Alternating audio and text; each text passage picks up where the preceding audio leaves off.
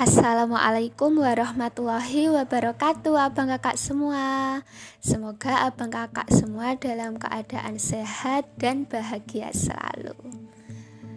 E, Pada hari ini yang merupakan peringatan Hari Pahlawan Nasional Republik Indonesia Mu'alimah Fasya mau membahas salah satu biografi dari pahlawan nasional Republik Indonesia nih. Ayo tebak siapa yang tahu Nah, ya ini Mu'alimah Fasya mau membahas biografi dari Bapak Sri Sultan Hamengkubuwono ke-9. Berikut ulasannya dari Mu'alimah Fasya. Selamat mendengarkan. Bapak Sri Sultan Hamengkubuwono ke-9 lahir pada tanggal 12 April tahun 1912. Beliau lahir di Ngasem, Sompilan, Yogyakarta. Beliau memiliki nama Gusti Raden Mas Ndoro Jatun. Beliau dilahirkan dari pasangan suami istri di mana bapak beliau bernama Gusti Raden Mas Sujadi yang merupakan Sultan Yogyakarta ke-8 dan ibu beliau bernama Kanjeng Raden Ayu Adipati Anom Hamengkunegara. Pada masa kecil beliau, ketika beliau baru berumur 4 tahun, beliau diperintahkan ayahnya untuk tinggal terpisah dari keraton untuk menempuh pendidikan di pendidikan milik Belanda. Ketika diperintahkan, si Doro Jatun kecil ini atau Bapak Hamengkubuwono ke-9 ini menangis keras dan terus memeluk salah satu tiang di keraton karena beliau tidak mau tinggal terpisah dari bapak dan ibu beliau untuk sekolah di sekolahnya milik Belanda. Tetapi akhirnya setelah dibujuk oleh bapak dan ibu beliau, akhirnya beliau mau disekolahkan di sekolah milik Belanda hingga sampai tamat SMA.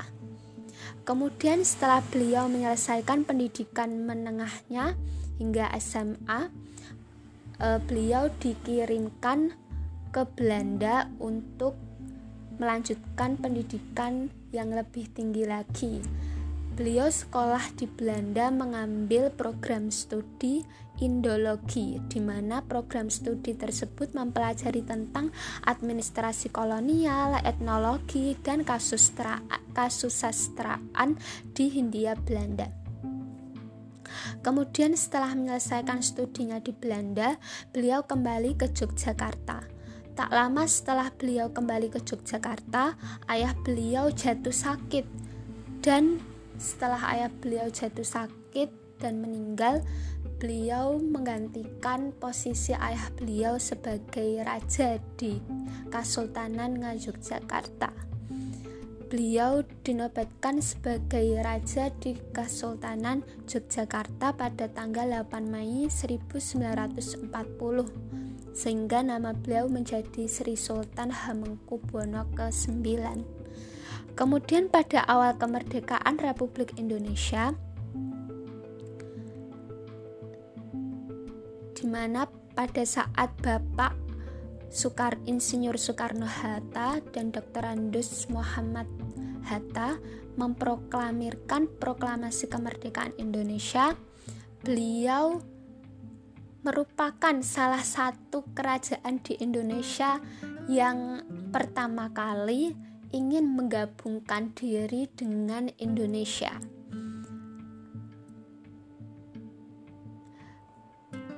Sebagai bukti dukungan beliau terhadap keinginan beliau untuk melebur dari kerajaan di mana beliau itu menjadi seorang raja yang dahulu eh, pangkatnya tinggi ya menjadi seorang raja kemudian dengan semangat uh, untuk bergabung untuk bersatu dengan kerajaan-kerajaan yang lainnya untuk membentuk suatu negara kesatuan beliau dengan rela melepaskan jabatannya sebagai raja untuk bergabung menjadi satu kesatuan negara Republik Indonesia. kebetulan pada saat awal terbentuknya ke, apa negara kesatuan Republik Indonesia uh, keadaan ekonomi dari Republik Indonesia sendiri pun mengalami penurunan yang sangat drastis di mana kas negara kosong, pertanian dan industri rusak akibat perang dengan Belanda, blokade ekonomi yang dilakukan Belanda membuat perdagangan dengan luar negeri terhambat. Sehingga kekeringan dan kelangkaan bahan pangan terjadi di mana-mana termasuk di Yogyakarta.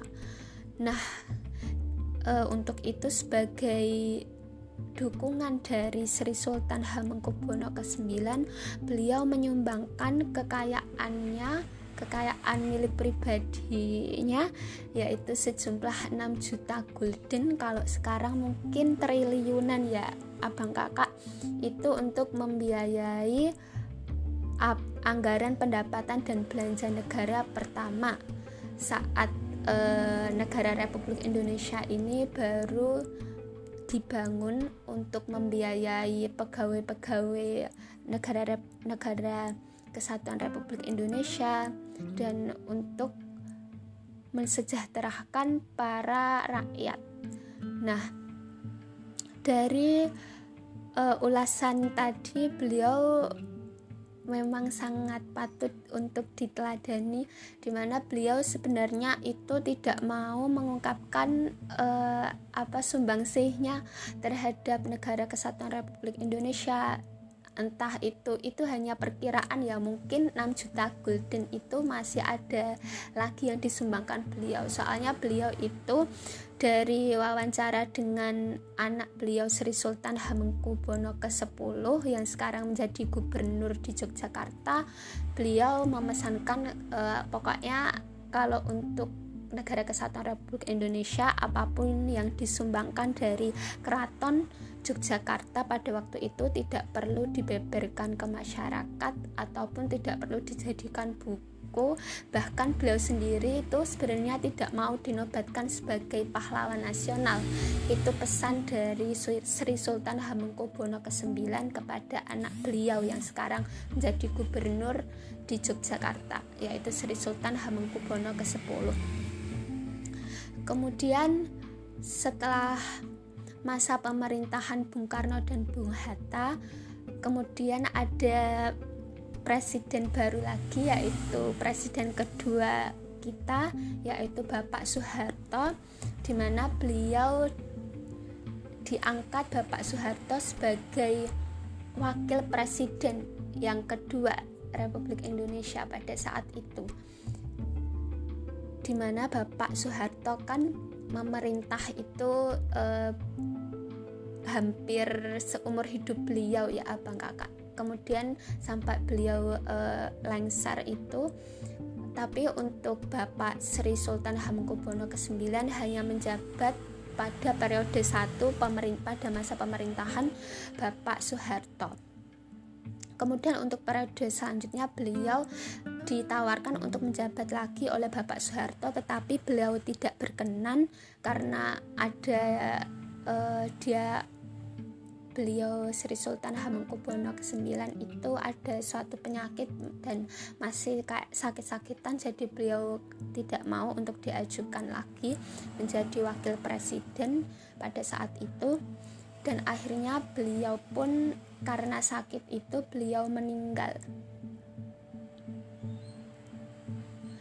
Beliau meninggal di George Washington University Medical Center di Amerika Serikat pada minggu malam 2 Oktober tahun 1988 karena serangan jantung dan dimakamkan di pemakaman para Sultan Mataram di Imogiri, Kabupaten Bantul, daerah istimewa Yogyakarta.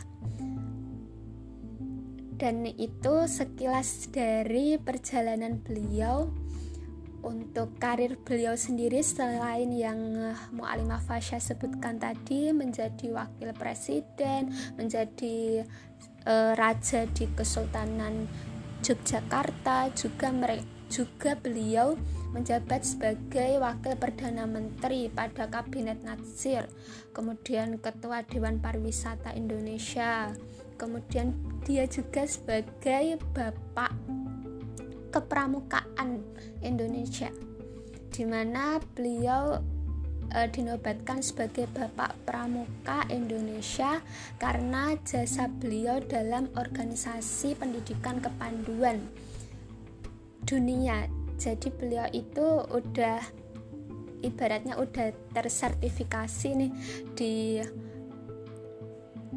Bronze World Award dari World Organization of the Scott Movement pada tahun 1973 uh, setelah mendengar biografi singkat dari Bapak Sri Sultan Hamengkubuwono ke-9 apa nih kesan dari abang kakak semua yang sudah mendengarkan sekilas biografi tadi?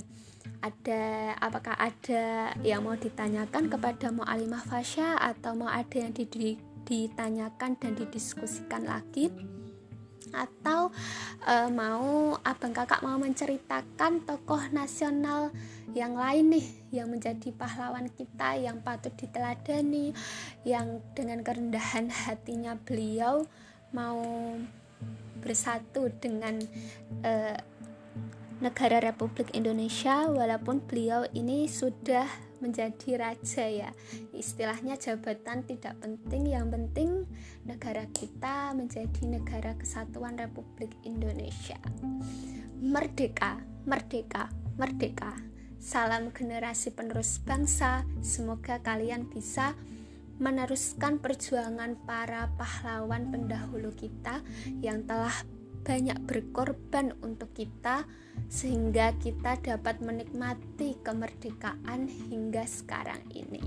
Sekian podcast dari Mu'alimah Fasya, kurang lebihnya Mu'alimah Fasya mohon maaf abang kakak. Wassalamualaikum warahmatullahi wabarakatuh. Terima kasih.